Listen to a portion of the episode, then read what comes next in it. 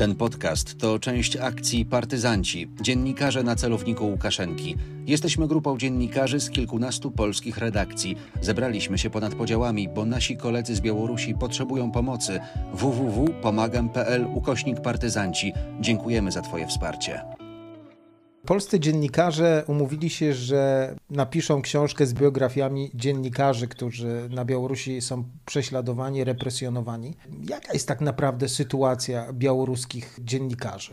Teraz jedno słowo tragiczne, dlatego że w ostatnim czasie szczególnie niszczy się wszystko, co jest, co się nazywa wolnym słowem.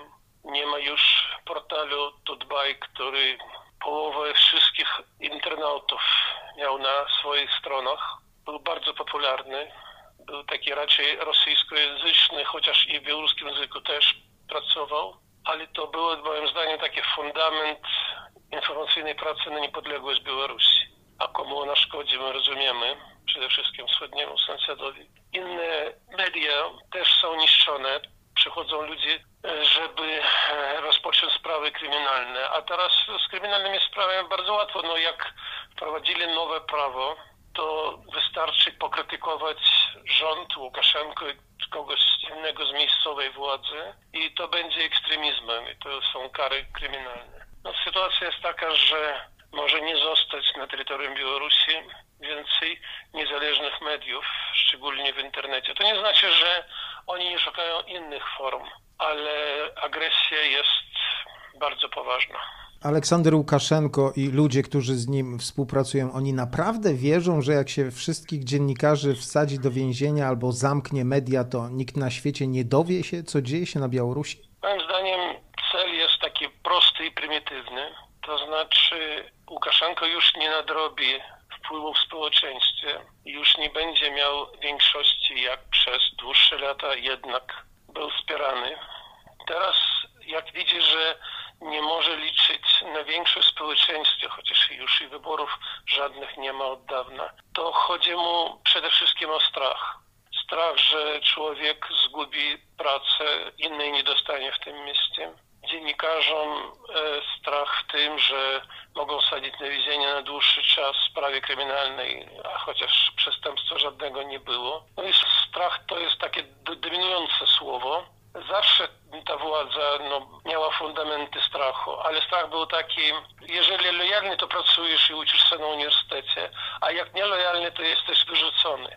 No a teraz już wchodzi w rachubę siedzenie w więzieniu. I Łukaszenka po prostu chce na strachu na tym utrzymywać społeczeństwo, bo żadnej sprawy ani polityczna, ani ekonomiczna, ani socjalna nie rozwiązał po wyborach. Kryzys jest coraz większy, zależność od Rosji fatalna. No i żeby utrzymać tych ludzi w domach, żeby nie wychodzili na ulicę z manifestacjami, to musi grać tak ostro, no i straszyć, straszyć.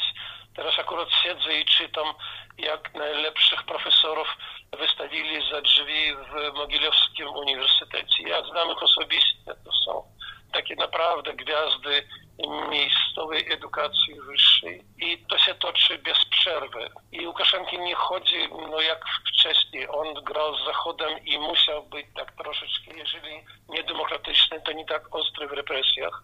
A teraz jak z Zachodem nie ma stosunków, ja nie widzę perspektywy, żeby się odnowiły, no to po prostu no jest na takiej drodze Moskwa to zaakceptuje, z Zachodem nie ma żadnych kontaktów i nie trzeba grać w półdemokrację, no i ma wolne ręce. No i jest jeszcze takie traumę taką wielką po tych wydarzeniach rok temu.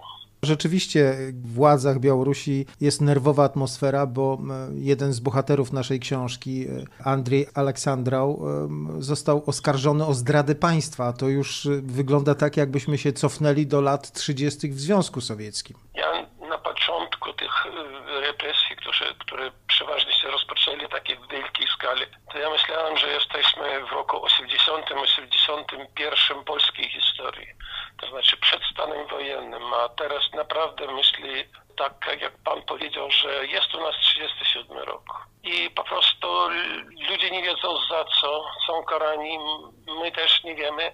Po prostu no, muszą siedzieć w więzieniu, żeby izolować to społeczeństwo wpływowych ludzi, dziennikarzy, liderów myśli. I po prostu żeby takie zapanowało takie pokój jak na cmentarzu. Ale no to nie, nie jest perspektywa ani dla władzy, ani tym bardziej dla społeczeństwa. Ja myślę, że długo tak trwać nie może.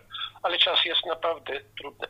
Chociaż Polacy znają swoją historię i po wprowadzeniu stanu wojennego też była takie wielkie, no może ja nie wiem, no nie depresja, ale pesymizm, nie było wiary, że kiedyś wygramy i tak dalej. Za władzą komunistyczną w Polsce stała taka komunistyczna Rosja i coś podobnego tu jest. Historia lubi się powtarzać.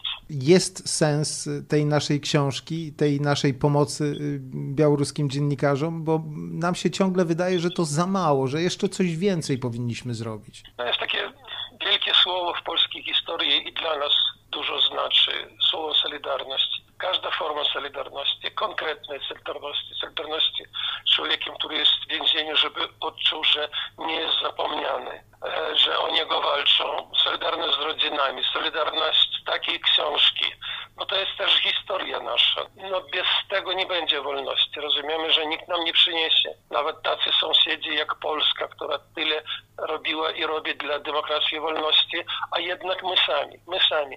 I dla nas to są takie kroki bolesne, trudne. Trudno być na woli, jak twój kolega jest w więzieniu. I jakoś no, przykro to jest, że nie mamy dużo instrumentów. No ale prawda zwycięży i nikt w to nie wątpi. I ja po prostu jestem wdzięczny, że dziennikarze podjęli taką inicjatywę. Każdy sposób jest najważniejszy. Nie można zapomnieć o Białorusi z tej przyczyny, że teraz nie ma manifestacji. Nie o manifestacjach chodzi, a o zmianach myślenia, mentalności, o formowaniu nacji politycznej, a naprawdę no, u nas teraz procesy jednak odbywają się bardzo ważne.